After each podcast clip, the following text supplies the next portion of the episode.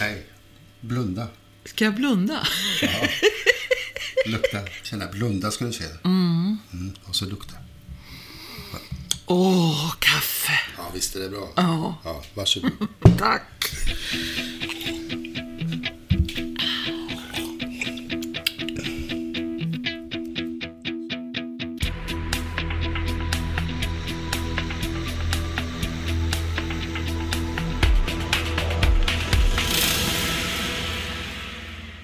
Här är Peter och Maria. Det här är Peter och Maria.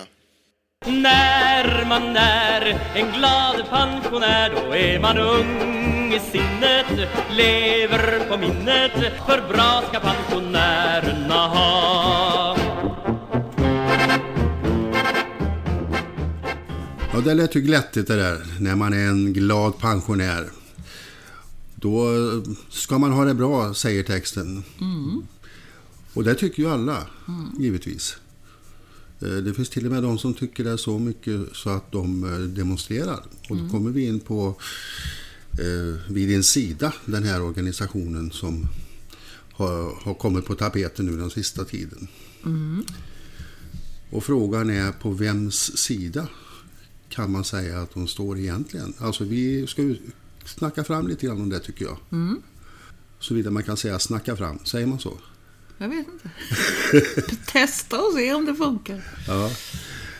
Ja, när man är en glad pensionär sjunger Tore Skogman så där hurtfriskt här. Fast egentligen är ju inte tillvaron alltid så hurtfrisk för pensionärer. Och eh, det är klart att alla vill att pensionärer ska ha det bra. Det är inte en fråga om det. Men de har också blivit ett sorts slagträ i debatten som är lätt att ta till, kan man tycka.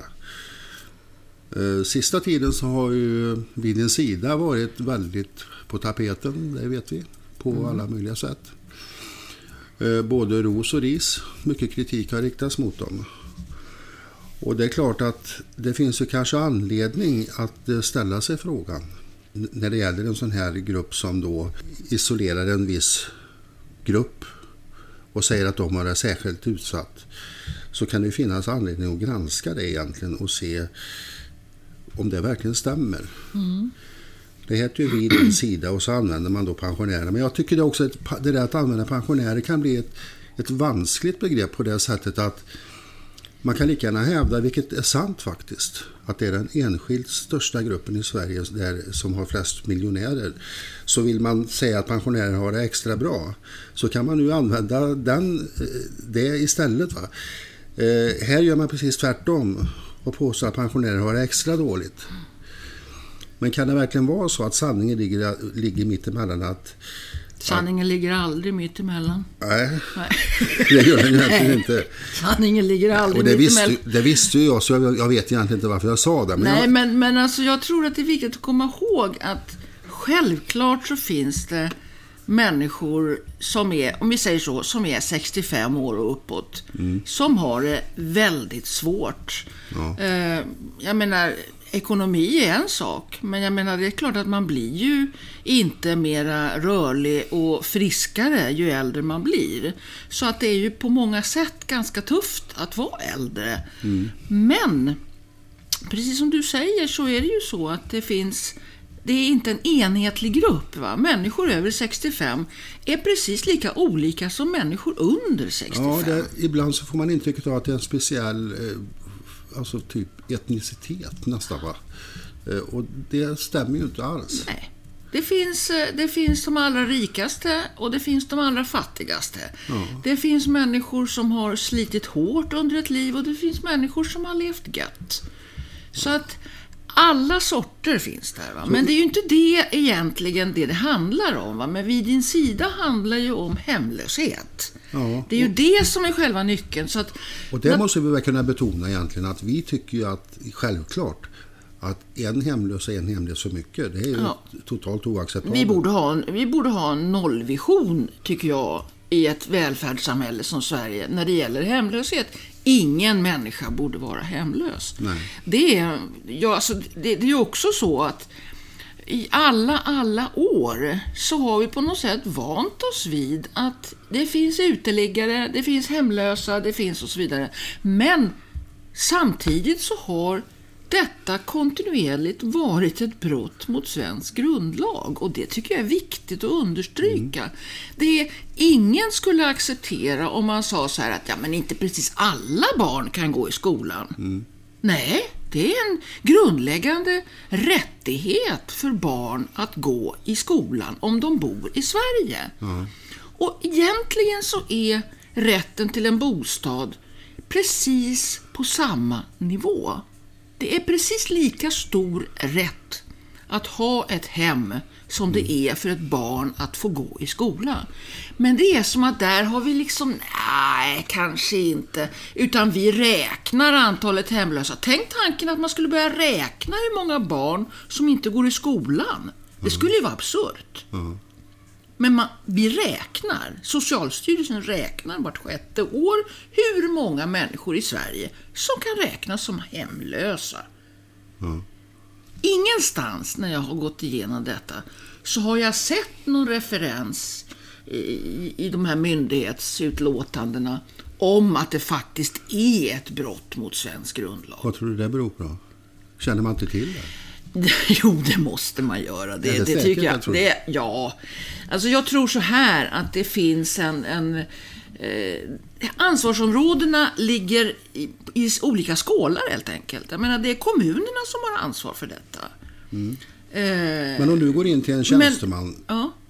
där och säger så här, hörde du, vad står det i den svenska grundlagen? Tror du att du får ett klart svar på det? Nej, Det är möjligt att det är många som inte vet och inte kan. Men det är i så fall ett, ett eh, tjänstefel. Alltså det borde de veta. men- Självklart. Jag men- menar om jag säger så här. Eh, Det, går, det är barn här i, i, i, i eh, stan som inte går i skolan. Det är väl inte rätt? Nej, självklart inte skulle man säga då. Men när det gäller det här så är det fortfarande liksom någonting som man inte riktigt behöver bry sig om på samma sätt. Och jag tror att det beror på att eh, kommunerna avkrävs inte detta ansvar från staten. Och det borde de göra. Men fi- finns det, eftersom de verkar ha noll koll på statistik precis som de flesta andra, eh, så kan man fråga sig, finns det en förutfattad mening om vilka som är hemlösa och inte? Det tror jag också att det gör. Jag kan bara utgå från mig själv. I- Tidigare så trodde jag liksom att den typiska hemlöse, det var en man i min ålder eller kanske något yngre som livet hade kraschat för. Man hade blivit arbetslös eller hade alkoholproblem eller skilt sig och inte klarat det. Och sen så livet bara går rätt ner i källaren och så väljer man eller av olika anledningar så bara isolerar man sig och så lägger man sig ut någonstans och sover i någon trappuppgång för man har ingenstans att ta vägen. Livet har totalt havererat. Det var min bild. Och, men jag förstår att det är bara en liten grupp. Det är bara en liten grupp. Ja. Mycket, mycket liten grupp. Och ehm, alltså, när Socialstyrelsen gör de här kartläggningarna vart sjätte år, senast var det 2017 och gången dessförinnan var det 2011, då delar man in eh, de hemlösa enligt fyra kriterier, fyra kategorier. Och den första gruppen, det är den som kallas för akut hemlöshet. Där återfinns de som de allra flesta av oss ändå förknippar med uteliggare, hemlösa och så vidare. men det- men det det vill var- säga, det är de som finns på nattbussen, som inte har någon säng att sova i, de som ligger i, i eh, kanske ligger på en offentlig toalett eller som eh, sitter och sover på en parkbänk om det inte är för kallt och så vidare. Men det finns även i den akuta hemlöshetsgruppen så finns alla de här som bor, tar in på ett, ett Stadsmissionens härberge eller får en tillfällig säng på ett vandrarhem och så. Ja, och då, då, då känns det nästan som att det är så här att det finns en grupp som syns. Och en, en annan grupp, en mycket, mycket större grupp egentligen, som inte syns. Och det är de vi aldrig konfronteras med egentligen. Va? Eh, på det sättet. Och då är frågan, liksom, är det så att den gruppen som syns är ofta de som jag, till exempel som jag uppfattar det som att man ofta ser att det är män i 40-50 års ålder som sitter någonstans ute och...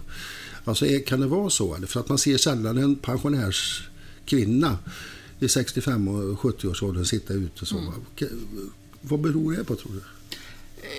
Att det ser ut så? Ja. Alltså jag tror att det är...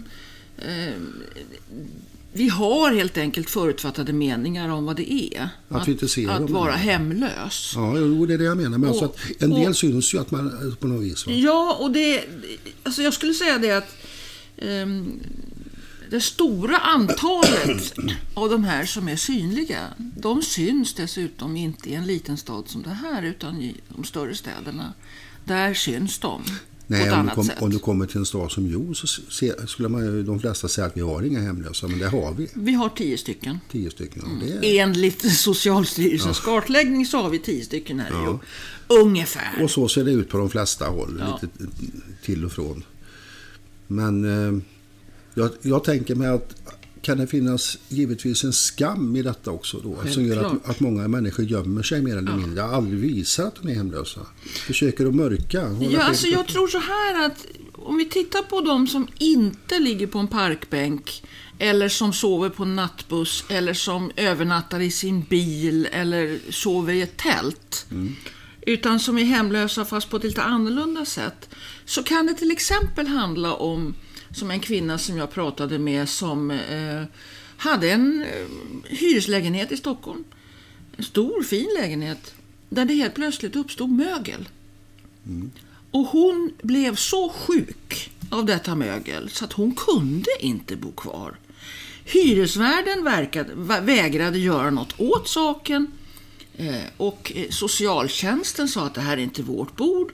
Hon var tvungen att flytta och bor numera ovanpå den affär som hennes man har, hon och hennes man har.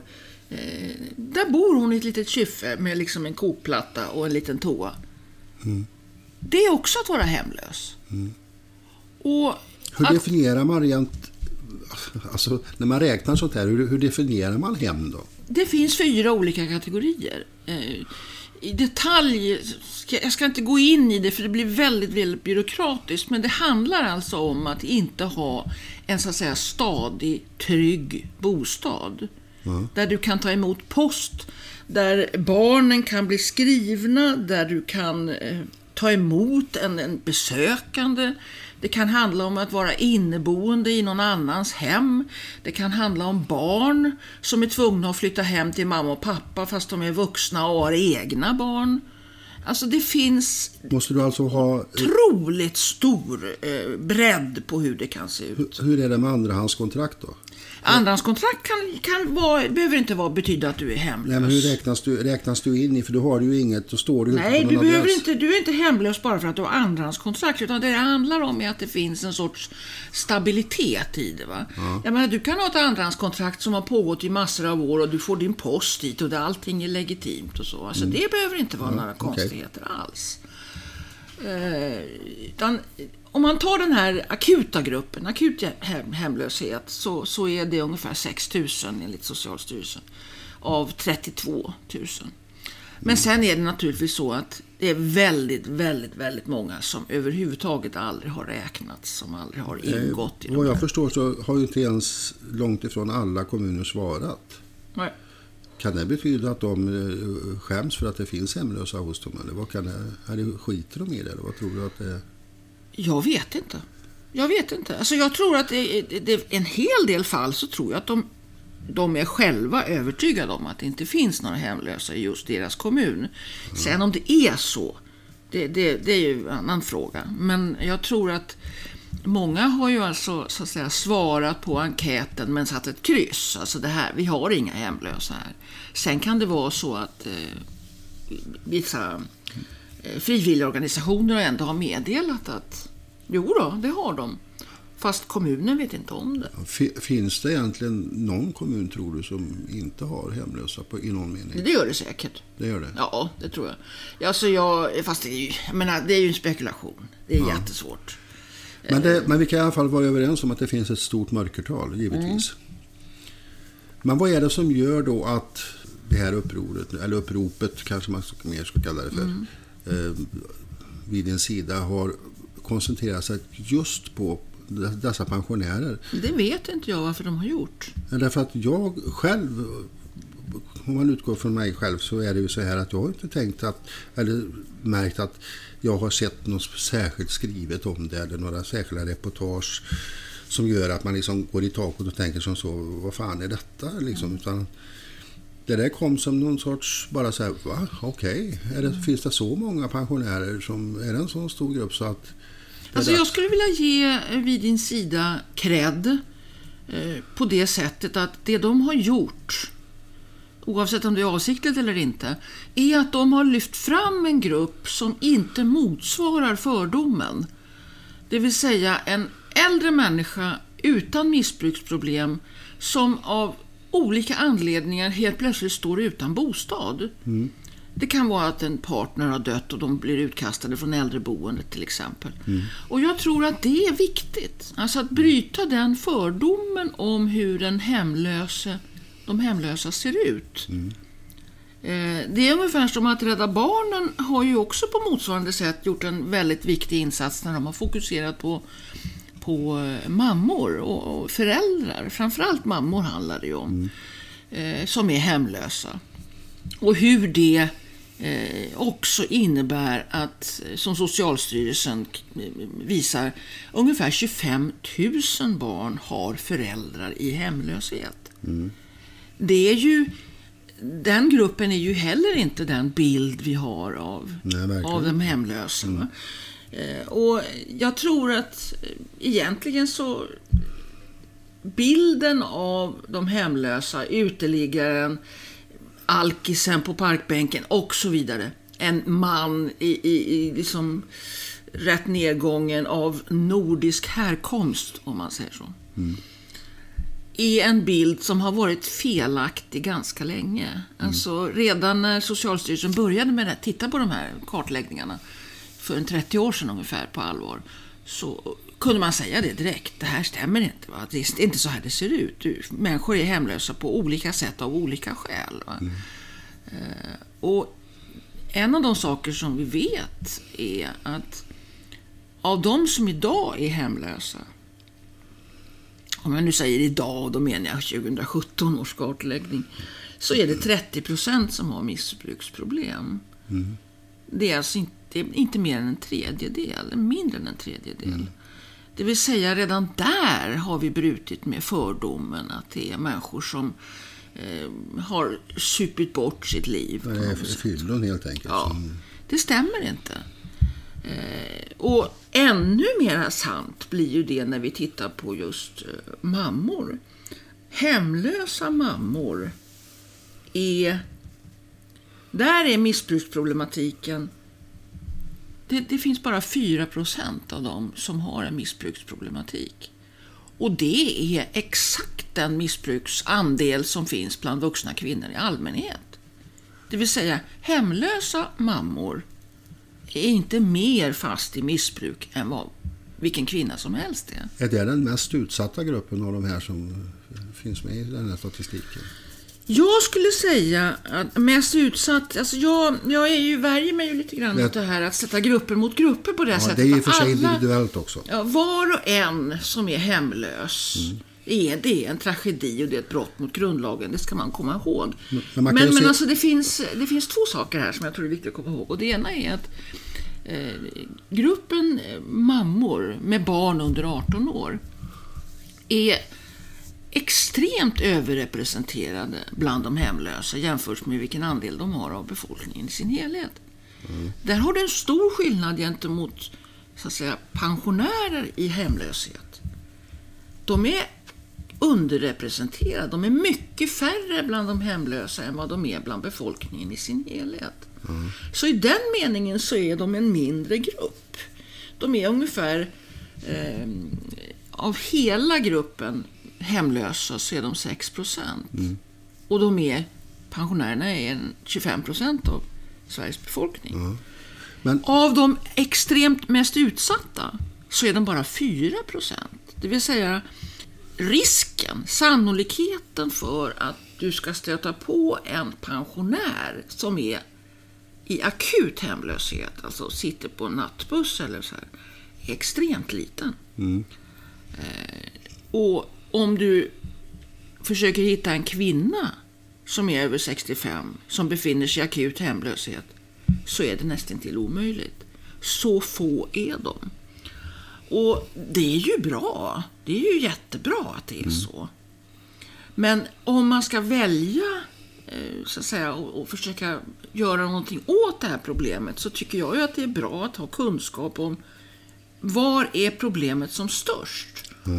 Och helt uppenbart är det ju så att, att eh, de som är föräldrar och de som, efter den största gruppen där, är mammor.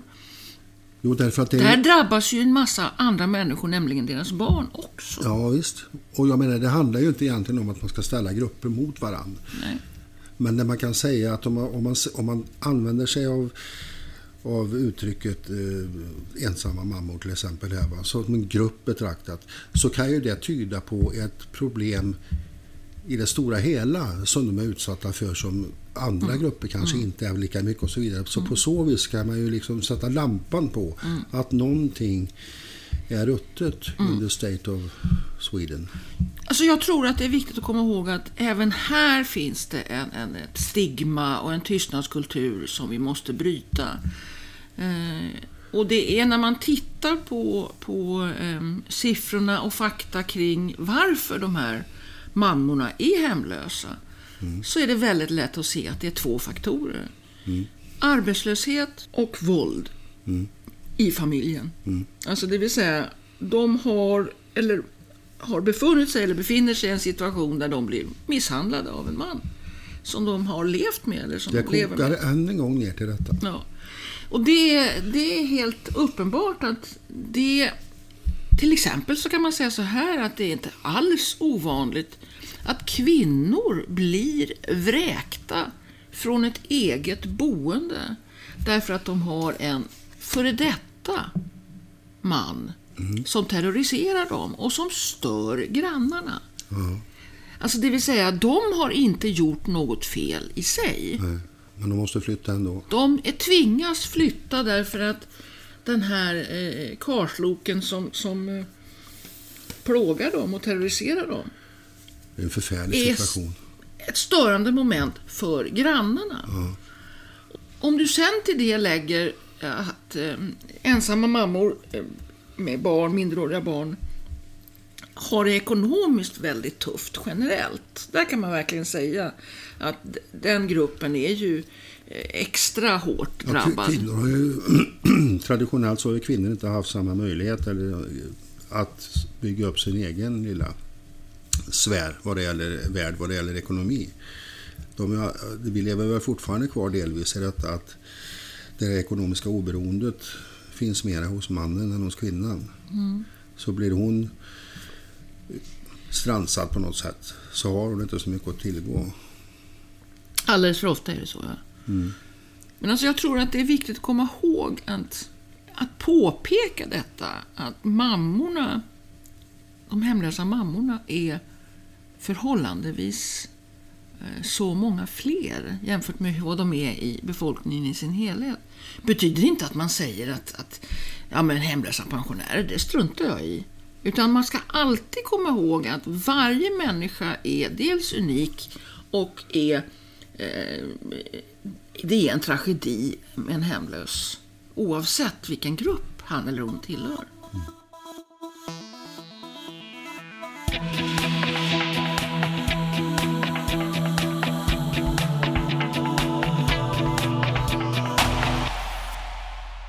Jag tänkte på hon Jeanette Höglund som eh, leder detta uppropet vid din sida. Eh, hon har ju fått ta emot väldigt mycket skit i dessa dagar. Och hon hyllas ju å andra sidan sett också av väldigt många. Ehm, både du och jag har ju sett en intervju med henne. Mm. Så, och vi har läst en del artiklar. Och försöker att skapa sin egen bild oavsett vad alla andra tycker.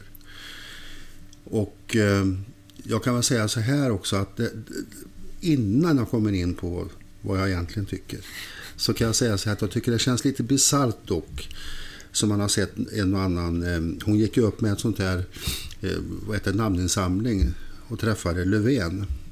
Som hon förresten ö, öste lovord över, kan man väl kanske säga. Även om ösa är väl att ta, ta i kanske. Men hon hade inte något illa att säga om honom. Ehm, så var det någon som, som jag såg som skrev så här alltså att nu har det fan gått för långt liksom. Va? Statsministern liksom träffar nazister. Och då känner jag det liksom att nej, det är, det är att gå en bra bit för långt. Va? Och det visar också hur den här allmänna hetsen kan skruva upp ett debattläge som gör att det blir egentligen omöjligt att snacka vuxet om detta. Att s- se igenom regnet helt enkelt. Att förstå vad det, vad, det blir för aggressivt. Och, Absolut. och jag menar att sådana där uttalanden som att hon skulle vara nazist, det tar jag omedelbart totalt avstånd ifrån. Och det antar jag att du gör också. Ja, absolut. Jag tycker det bara blir befängt. Absolut. Eh, då, då kör liksom debatten fast helt och hållet där. Där kommer man Ja, inte men det är vidare. dumt. Det, det, Det är bara riktigt, dumheter. Det är riktigt jävla dumt. Alltså Ja. vi kan väl... Och att hennes farsa är, är SD-are, vilket han är. Han är inte bara SD, det är viktigt att komma ihåg. Ja, han, han- han, han är ju liksom fullmäktige, SDs fullmäktige Självklart. grupps ledare. Men jag i- menar, vi tror inte på arvsynd heller. Nej. Så att vi, vi, utan ska vi bedöma någonting med Jeanette Höglund så får det bli för vad hon själv har sagt och vad hon själv har gjort. Va? Inte vad någon familjemedlem har bidragit med i sammanhanget, tycker jag. Och då finns det ju en del saker som är... Eh, vi har ju detta då att... Eh, hon har ju sagt till exempel att, jag citerar ordagrant, tiggare och invandrare får en massa hjälp på annat sätt. Men dessa gamla pensionärer så verkar ingen bry sig om. Eh, detta är väl någonting som i efterhand verkar ha försvunnit lite grann ifrån hennes CV. Eh, Man, hon har sagt flera saker. Och det, och det är ju det att man känner det att i takt med att kritiken har hårdnat och tumskruvarna dras åt, desto mera städar man lite grann. Va? För man vill inte liksom få det här på sig. Att man skulle då vara exkluderande mot vissa grupper. Och det är ju vad hon själv säger också i den här intervjun vi såg.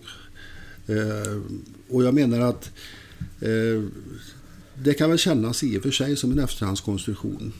Men samtidigt så kan jag känna också att det finns, det finns ett, en, eh, en välmening. Eh, Det finns en ambition att försöka göra något bra.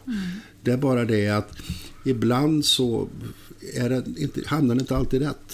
På det sättet att det finns också andra som utnyttjar att man själv kanske är naiv och godtrogen och en, inte liksom försöker och man tänker som så att här får alla vara med. Va? Vi struntar i vilka de är. Men då ska man tänka på det att det kanske är lite vanskligt att vissa grupper befinner sig i ens närhet som kanske inte borde vara där nu om man vill ha tvättkorgen helt ren. Alltså jag, jag, jag har funderat väldigt mycket på det här. Och jag skulle säga det att grundproblemet är och förblir Sverigedemokraterna. Alltså Sverigedemokraterna är som ett virus i Sverige. Ja.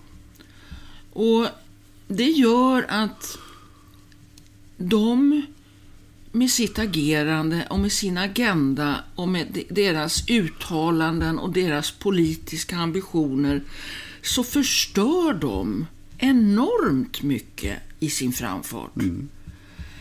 Eh, och jag ka- kan känna så här att utan att veta eh, hennes så att säga, individuella ambition så kan jag bara säga så här att tänk tanken att hon hade startat detta för sig 15 år sedan eller 20 år sedan. Så hade det inte varit den typ av debatt som vi har nu. Nej. Utan då hade det bara varit så här fantastiskt, en kvinna som vill engagera sig för pensionärer som far illa.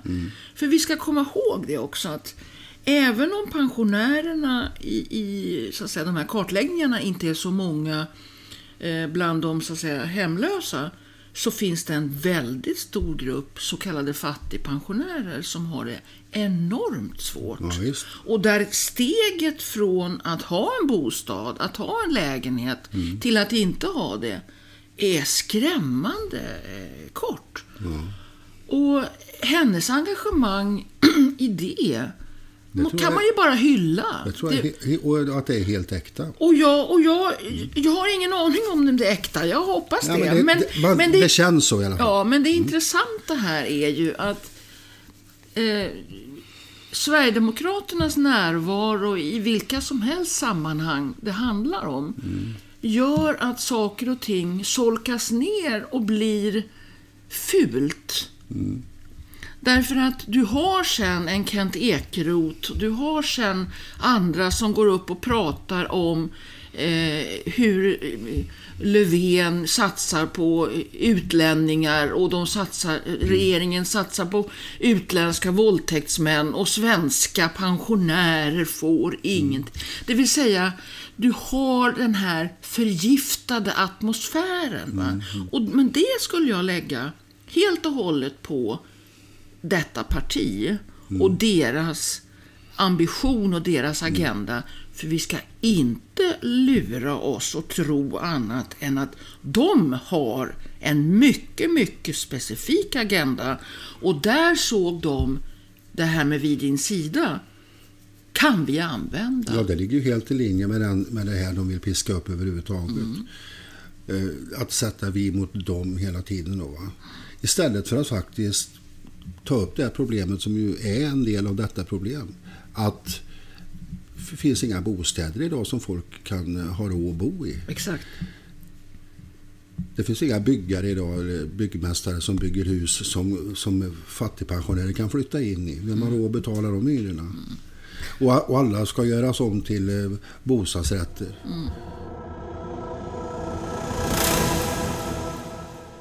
bostadsrätter. Det är viktigt att komma ihåg det att hemlöshet är ju inte ett socialt problem som ligger vid sidan om allt annat utan det går inte att skilja det från bostadspolitiken. Nej. Och pensions eh, och allt det här. Va? Det ju, finns ju också med där när det gäller just den gruppen. Men bostadspolitiken och det som nu händer i Göteborg där man renoverar så att folk tvingas flytta. Eh, miljonprogrammen. I Stockholm där man omvandlar hyresrätter på löpande band till bostadsrätter. Och Miljöpartiet är drivande, ett av partierna som är drivande. Att, att de kan göra detta utan att få tung kritik för det, det tycker jag är konstigt. Ja, och marknaden styr hela detta förlopp. Och vi kan egentligen bara stå och titta på. Vad ska vi göra åt det? Nu ska vi bygga om här. Och sen så är det bara, hej då. Har du inte råd att bo kvar så stick. Det är liksom, de lägger inte två strån eh, Nej. emellan. Så jag menar, det är, Och jag menar, här kan vi ju säga, prata hur mycket som helst om hur Sverigedemokraterna som parti har konsekvent röstat mot Ja, reformer som precis. skulle göra så att pensionärer, fattigpensionärer fick det bättre. De har konsekvent röstat mot det, de förslag som har handlat om att göra det möjligt för människor med låga inkomster att bo i hyresrätt Exakt, de vill inte gå i några demonstrationståg för de har en politisk makt som kan faktiskt rösta i riksdagen. Mm.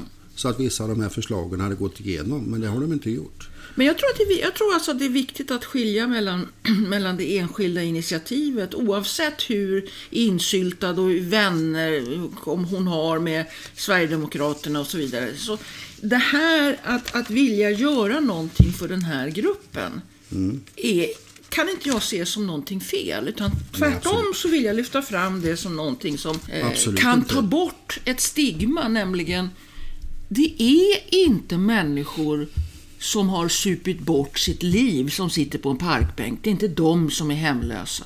Nej. Utan hemlöshet, där finns det människor av precis alla sorter. Och missbruk är bara en mindre del.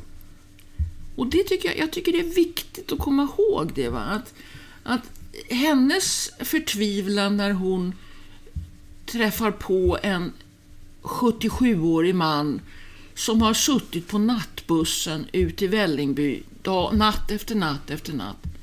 Det är en tragedi. Ja. Och egentligen, en enda människa är en tragedi.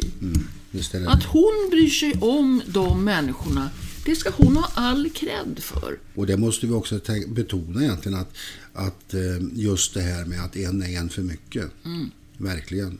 Det handlar ju inte om egentligen att ringakta vissa delar. Alltså säga att de är så få så att vi behöver inte bry oss om dem. Men vi ska bara...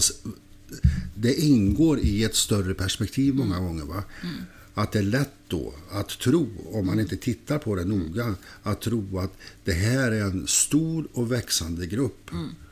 Och det är för jävligt. De som har, de har byggt upp, och så använder man det här då i sin retorik, de här pol- politikerna.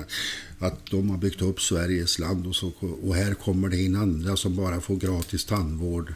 Jag tror att hela det här härket, Sverigedemokraterna, men också hela det här härket av brunsås som finns med andra namn som man kan nämna om man vill, som ju ägnar sig åt att hata. Eh, och det, det är ju någonting vidrigt och någonting Vi fruktansvärt. måste ha klart för oss att, att det, här, det här är allvarligt. Att vi lever i en, interna, en internationell rörelse som har som enda mål att främja eh, bekämpningen av demokrati, frihet, eh, att alla grupper ska vara jämlika. Eh, och så givetvis då bevarandet av den vita rasen. Och om vi inte fattar detta så får man titta lite djupare på det därför att det är, finns mycket under ytan här som inte tog dagens ljus. Men jag tror att det är viktigt att komma ihåg att det, det som händer när Sverigedemokraterna och det här högerträsket tar över. För det, som jag upplever det så är det så, det är det som har hänt. Den här rörelsen må ha varit kopplad till Sverigedemokraterna redan från början. Det är mer än vad jag vet. Men det som hände med den här demonstrationen och det som hände med den här hearingen som de organiserade i riksdagen och så vidare är att de lägger embargo på alltihopa och gör det till någonting annat än det skulle behöva vara. Och när sen, jag tycker att det är fullständigt vedervärdigt när, och jag tänker inte nämna de här personernas namn, när de ägnar sig åt att hata en sån som Kjell Bergqvist. Det är fullständigt, det är så osmakligt och vidrigt. Därför att Kjell Bergqvist är en av dem som verkligen själv vet vad det här handlar om. Som har sina rötter i en, ett samhälle och en värld där det fanns människor som på ett helt annat sätt råkade illa ut, men där man ställde upp för varann. När det är så tydligt att det avgörande här är att inte skilja mellan olika människor. Då var det helt rätt av honom att kliva av. Därför att oavsett vad den här rörelsen kanske skulle ha kunnat bli, vilket jag tror att han också tänkte när han var med Ja, i visst. styrelsen, så ockuperades den. Den, den kidnappades av det här högerträsket. Och det, i det läget så är det omöjligt att finnas kvar om man kallar sig demokrat på riktigt. Mm, precis. Har du tänkt på en annan sak när du nu nämner Kjell Bergqvist som är så eh, riktigt sådär ordentligt patetiskt.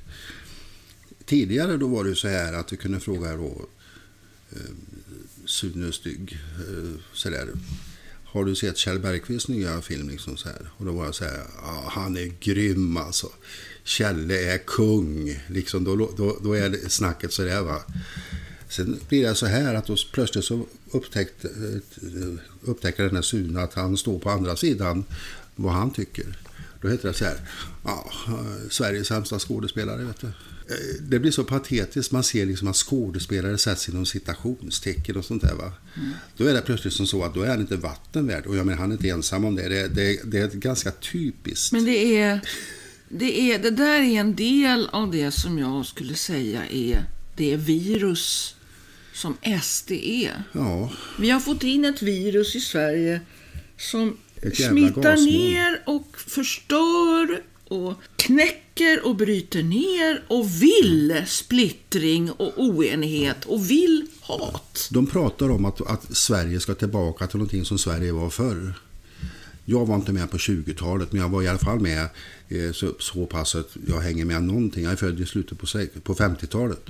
Och jag kan säga att ingenting av det de vill föra in påminner det minsta om det Sverige som jag har växt upp i.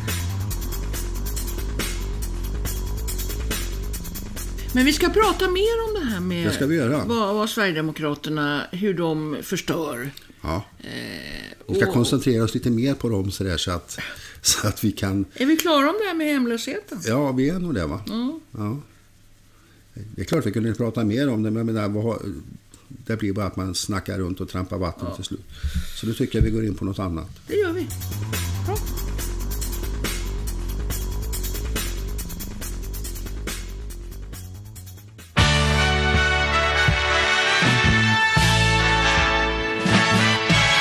Ska vi plocka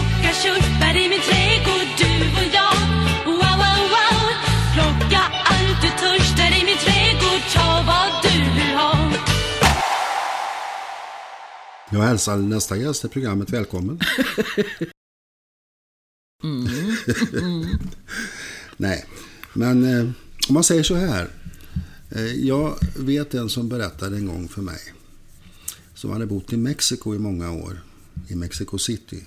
Som berättade om en eh, god vän som hade, körde samma väg varenda dag till jobbet. Och så plötsligt en dag så blev han stoppad av polisen. Och så blev han avkrävd, för där blir man avkrävd böterna på plats. Där får man inget trevligt inbetalningskort som vi får. Ehm, och, och han undrar vad har han gjort? Du har kört emot eh, en skylt där man inte får köra. Vadå, här finns ingen skylt. Eh, jo, det gör det. Nej, jag har kört här i många år och det finns ingen sån skylt som talar om att det är fordonstrafikförbud just här. Ja, då pekar han liksom. Och då står det alltså en skylt där borta. En sån där mobilsak som han bara ställer dit. Jaha. Och, var, och han sa så här, det var bara att betala. Eh, Jag tänkte att man, om, man, om man för över det på en hockeymatch säger man så här att eh, om du skjuter på målburen där, va, eller flyttar den när jag skjuter så, kan vi, så blir det mål även om jag skjuter liksom bredvid mål. Va? Och då kommer vi till det med att flytta målstolpar. Ja. Du, vet var, du fattar vart jag är på väg. Jajamensan. Ja, ehm, för vi talar, ska, tänkte tala lite, lite grann om cherry picking. Eller att plocka körsbär. Eller att flytta målstolpar. Och eh, skulle du vilja säga att det har blivit en medveten metod eller en medveten taktik i dagens politiska retorik? Ja, det skulle jag säga. Det är, och som så mycket annat så är det Sverigedemokraterna som har eh, infört det på en sorts systematisk, eh, systematiskt vis. Och eh, jag tror att det finns de som i andra partier som känner att ja, men det funkar ju. Så att man kanske ska vara lite där I, som dem. Inte för att underskatta någon, men vi kan säga så här att det kan ju finnas någon som lyssnar som tänker sig så, körsbärsplockning. Alltså att förklara helt kort vad, vad som menas med det begreppet. Plocka körsbär, det är när man försöker, försöker så att säga vinkla eh, fakta, data, så att det passar ens egen förutfattade mening. Man tar helt enkelt god, godbitarna. Eh, Och istället för att be- berätta hela sanningen så Ja. tar man det som passar. Man säger så här att det är bästa sättet att, att säga vad som inte är att plocka körsbär, det är att säga sanningen, hela sanningen och inget annat än sanningen. Det vill säga, eh, när man plockar körsbär, då väljer man ut precis just det data som man vet. Det verkar stämma eh, på vad jag tycker. Och man struntar i att nämna de här andra sakerna som kanske säger motsatsen. Precis, man utelämnar alltså det som... Alltså det enklaste och bästa exemplet är, som jag har sett nu använts jättemånga gånger, det är när man använder år 2012 som en sorts utgångspunkt för att visa hur hemskt det har blivit i Sverige när det gäller dödligt våld. Det är nämligen så här att 2012 var det dödliga våldet i Sverige det lägsta vi har haft sedan början på 60-talet. Oj då. Det är så var så extremt eh, lågt eh, så att det finns ingen samtida motsvarighet överhuvudtaget. Okej. Då gör man så här om man vill plocka körsbär att man säger Titta här hur mycket värre det har blivit sedan 2012. Och det är det ju, därför att varenda jäkla år sedan 1970 har det varit mycket värre än 2012. Men om man ser sammanhanget så ser man att just att 2012 var så extremt lågt gör att skulle du jämföra med 2011 eller 2010 så skulle skillnaden inte bli lika stor. Va?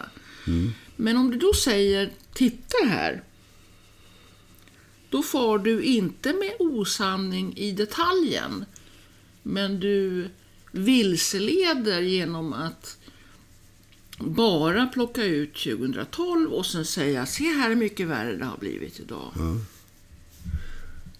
Så att sammanhang eh, befrämjar sällan, väldigt sällan i alla fall eh, strategin som man Nej, kan ha. precis.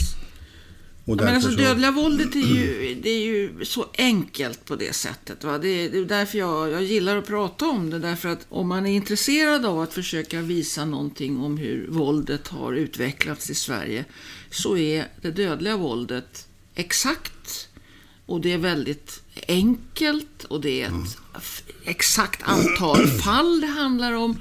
Och du kan se år från år. Det handlar liksom inte om att det finns ett mörkertal och så. Nej, och det är inte någon som är nästan död. Utan Nej, antingen är utan man död antingen man är man död. eller också är man inte död. Va? Du har antalet kvinnor som mördas och antalet män som mördas. Väldigt, väldigt enkelt och tydligt. Och då är det helt enkelt så att för 30 år sedan så var det mycket värre i Sverige. Det var 30 procent fler mord i Sverige än vad det är idag. Men det vill vi ju inte veta. Därför att vi ska ju tillbaka till den tiden. Ja, nej men det är ju, tyvärr är det ju så att, att eh, det där är ju en sanning som inte alla tycker är så himla kul att, att få att prata om. Därför att de vill få det att framstå som att det har bara blivit värre och värre. Och särskilt när man jämför med 2012. Så att 2012, det är det här klassiska körsbäret. Och det gör det!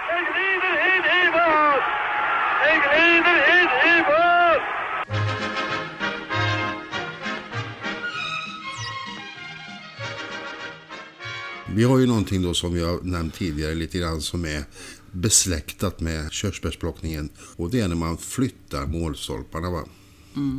Och det finns ett ganska färskt exempel på det i svensk politik. Som, det låter som det är sprunget ur kalanka klubben men det är det inte.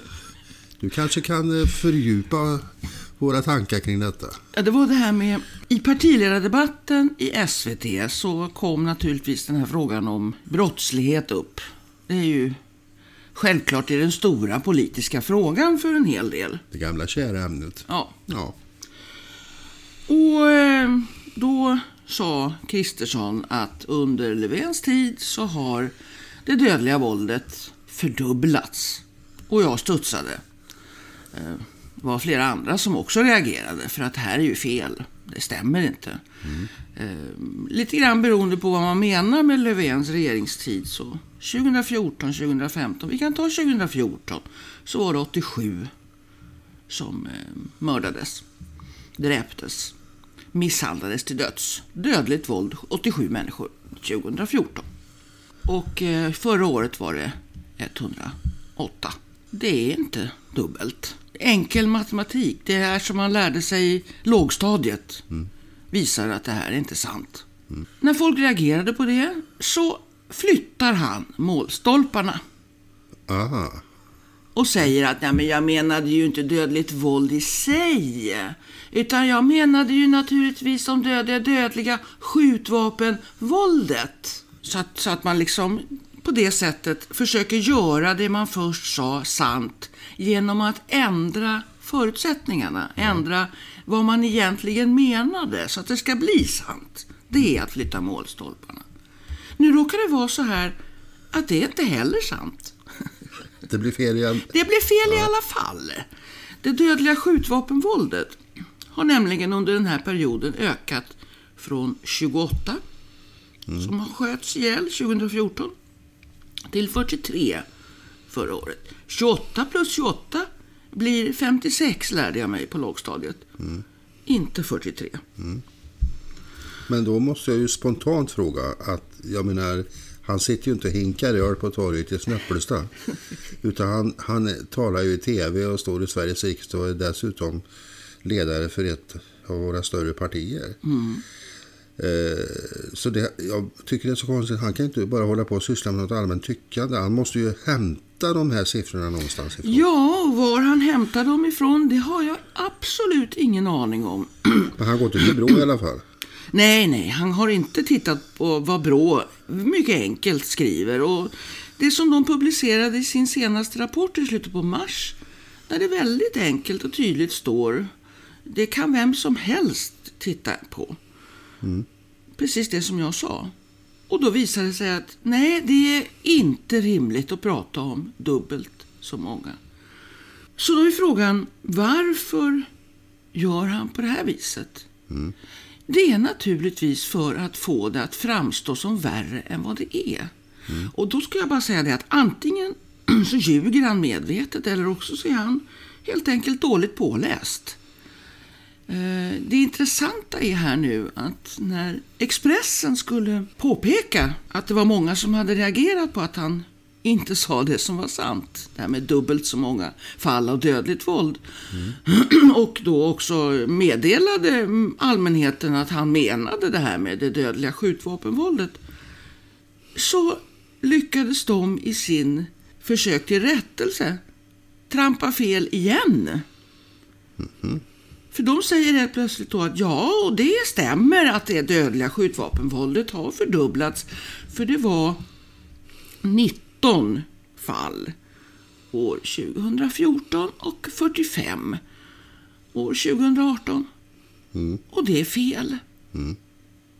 19 till 45, ja då skulle det ha stämt. I runda slängar, ungefär dubbelt. Men det var inte 19, det var 28. Och det var inte 45, utan det var 43. Han kanske menar AK4-våldet. Eh, Det var inte...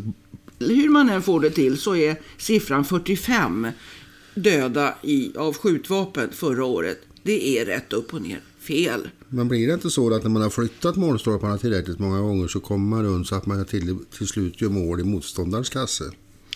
Ja, Eller, jag eller rättare vet- sagt att man gör självmål i Jag egen vet kasse. inte. Alltså jag, vet, jag kan faktiskt inte riktigt svara på hur, hur det här uppstår. Jag tycker att det är fascinerande att en sån som Kristersson eh, gör ett sånt enkelt och töntigt misstag. Det spelar ju egentligen bara en, en viss agenda i händerna det här. Ja, men det är ju också så att eftersom det är så enkel, ett sånt enkelt fel så slår det ju tillbaka. Det blir en rekyl på alltihopa. Men har det blivit Och- så då, att man tänker som så att eh, nu plockar vi körsbär här då, så, som är lite temat här. Nu tar vi de vi vill ha.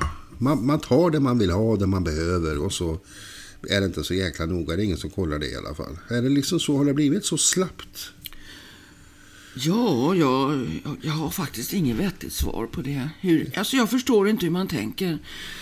Det kan hända att jag är, att jag är eh, extremt noggrann när det gäller sånt här. Men jag tycker att det är viktigt att vara noggrann. Jo, men sedan du skapar ju, alltså de står ju för själva styr kursen i den allmänna debatten i opinionen. Som någonstans till slut hamnar där det alltid brukar hamna när det här kokar ner. Va? Att vi kommer in på det här med invandrare, flyktingar och så vidare.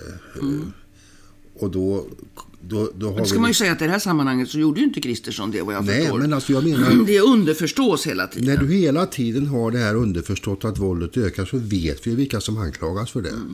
Det är inte så att de säger så här eh, MC-gängen, för de vågar de inte nämna överhuvudtaget. Utan då hamnar, det hamnar, handlar hela tiden om detta. Eh, därför att det är ju det som har varit agendan hela tiden. Att vi ska, det ska nötas in i vår skalle.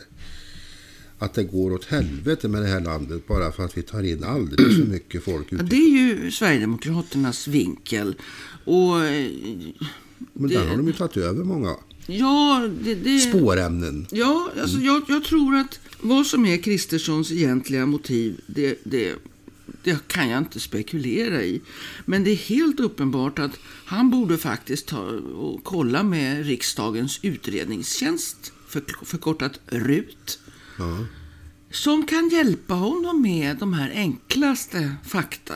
Så att det inte blir fel. För att om han vill säga det har blivit fler eller eh, det har ändrats på det här viset så kan han säga det. Men han ska undvika vissa typer av påståenden. Eh, och jag är inte människa att begripa varför han inte kollar enklaste detaljer. Alltså excellence is in the detail, som det heter.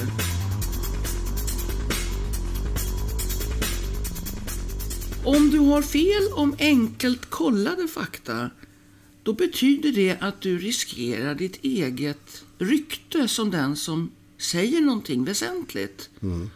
Och det är egentligen det som är rekylen här. Va?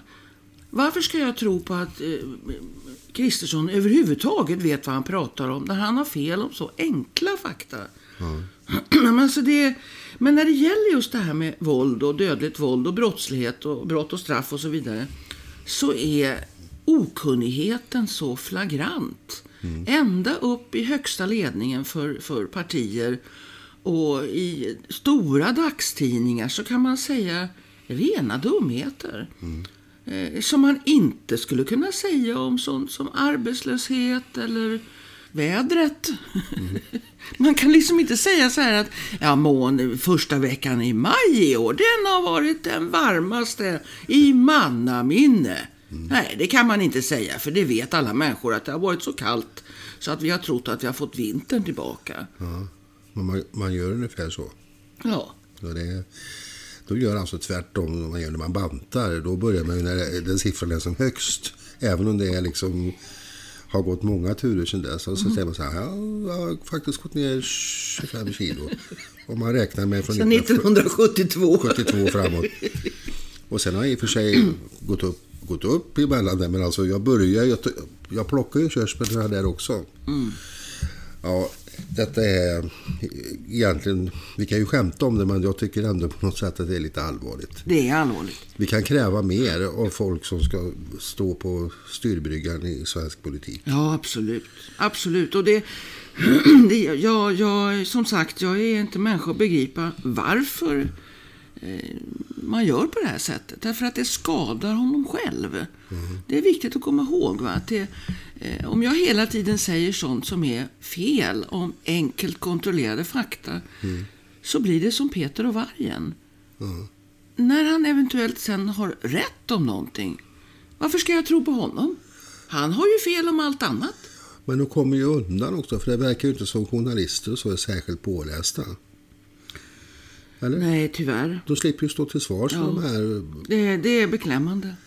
Och det tycker man att det, då är vi ute på... Ja, så när det gäller eh, journalistiken, eh, när det gäller dagspress och Expressen i det här fallet, så är jag förvånad i stort sett varje dag över hur mycket fel det är när det gäller just det här området. För att eh, där tror jag inte att det skulle, tror jag inte att det finns någon agenda på det sättet eh, som det kan finnas från en del politiskt håll. Men att det blir fel på ett systematiskt sätt, det är, det är ett faktum. Och varför det blir fel, det, det begriper jag inte heller. För att det, det är så enkelt att kolla. Ja, för, för att folk i allmänhet kan, ju, kan vi ju säga är lite känslostyrda, eller hur? Att, att det, det, det är ju inte alltid vi, vi bygger allting vi tycker och tänker på fakta utan vi tycker att mycket utifrån var vår, var vår känsla är någonstans. Va? Och, men jag tycker att när man, när man hör på, jag tänker direkt på det här exemplet jag hörde på, på eh, Studio 1 tror jag väl det var, i radio så pratade de om våldet och hon hade väl någon polischef i Malmö eller någonting, jag kommer inte exakt ihåg. Och frågade liksom varför de inte kan lära av, eller att de ska lära liksom av polisen i Colombia. Och det känns så här bara att, vad fan sa hon? Man kan väl ta och lära sig av Los Cabos i, i Mexiko där de, har, där de har en stad som är mindre än Malmö där de har ett mord om dagen. 365 mord. Där, där kanske de kan lära sig någonting. Men grejen är att man, när man handskas så, oavsett vilka intentioner man än har, så när man handskas så slarvigt, det man, det man gör när man säger en sån sak, Det är att man sår det här fröet med att vi har det lika jävligt som i Colombia nu. Alltså att de skapar de här förbannade myterna. Ja. Till vilken nytta då? Vi, vi utgår väl från att de inte har någon agenda. Så det är man säger att har det här vanliga vardagstyckandet hemma vid köksbordet ett par burkar öl, har det kommit in i våra radiostudios när där det sitter journalister som ska egentligen servera oss så nära sanningen de kan? Mm. Nej, men jag tror att det finns en medialogik här som man inte ska undervärdera. Och det är att eh, dramatiska händelser är nyheter. När saker och ting förändras på ett dramatiskt sätt eller någonting händer som inte är förväntat Ja. så är det en nyhet. Eh, och då är det så att om det dödliga våldet till exempel ökar dramatiskt så är det en nyhet. Problemet är bara det att på ett systematiskt sätt så har eh, i stort sett alla medier en tendens att inte på motsvarande sätt uppmärksamma när det dödliga våldet till exempel halveras Nej. i en region i Sverige. Vi vet till exempel att 2017 så, så eh, fördubblades det dödliga våldet i polisregion Stockholm. Det blev en jättegrej.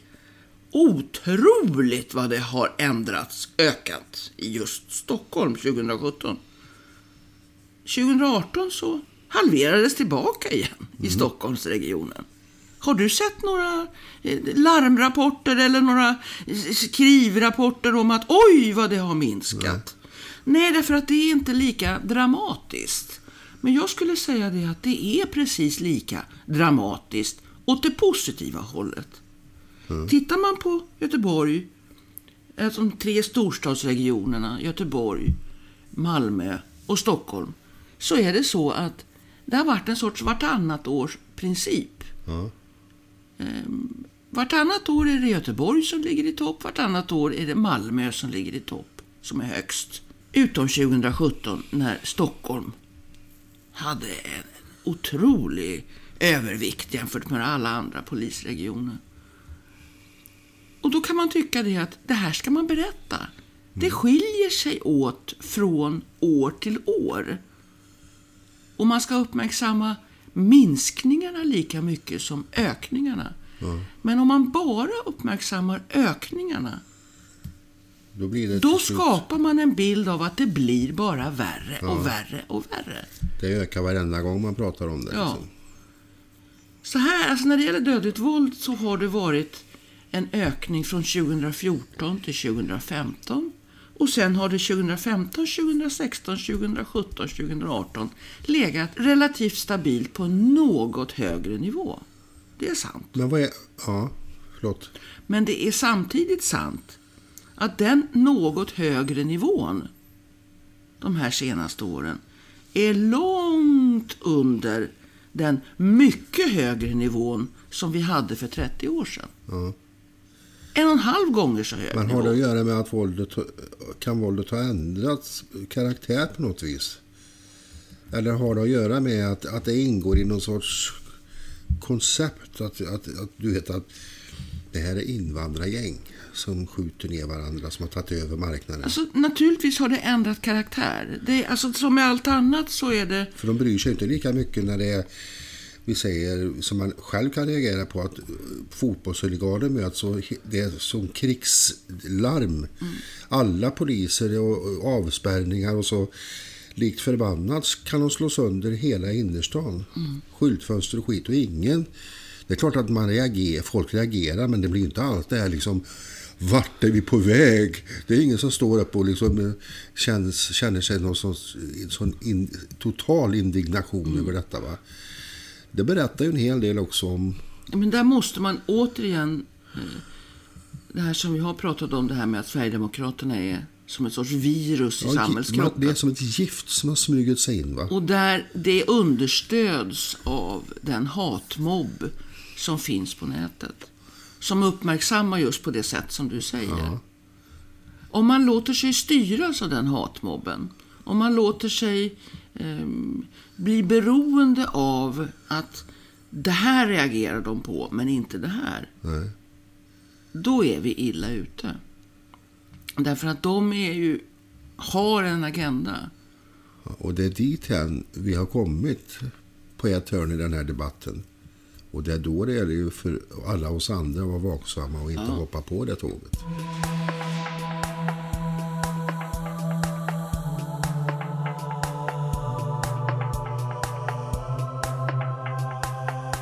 Alltså det är, det är, eh, om man har följt det här under lite längre tid så kan man också se att, att eh, det här med det det dödliga våldet kring 2012, 13, 14 när jag började titta på det här så, så förutom den längre tillbaka i början på 90-talet när jag också höll på med det här. Men om du tar de här sista fem åren, eh, 12, 13, 14, 15 och så vidare så är det så att eh, när det var som lägst då 2012, då hade hatmobben redan börjat. Och då, deras vinkel då, eftersom fakta ju faktiskt var att 2012 var det, det lägsta i mannaminne. Lägsta sedan 62, 63, 64. Deras vinkel då var att Brå ljuger. Därför att deras verklighetsbild, deras agenda är att det har bara ökat och ökat och ökat. Men många av de där snöpeljönsarna var ju inte ens födda då.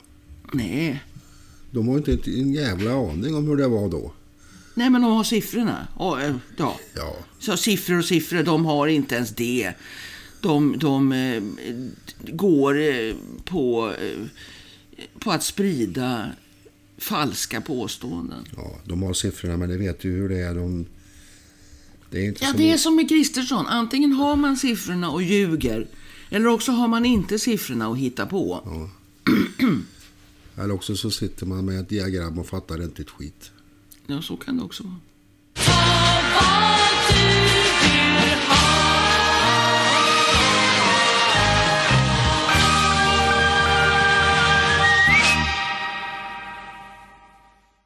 Om att påstå att man vet någonting. Varje medalj har sin baksida. I, en gång i forntiden påstods det att eh, Karneades hade överträffat Herkules storverk när han ryckte från människorna deras vana att hålla med. Det vill säga vanan att tycka och fälla förhastade omdömen. Detta drastiska infall hos Karneades uppstod enligt min åsikt under antiken som en reaktion mot dem som helt fräckt påstod att de visste och mot deras omåttliga arrogans. Så skrev Michel de Montaigne år 1585. Vi hörs nästa vecka. Spring och skrik.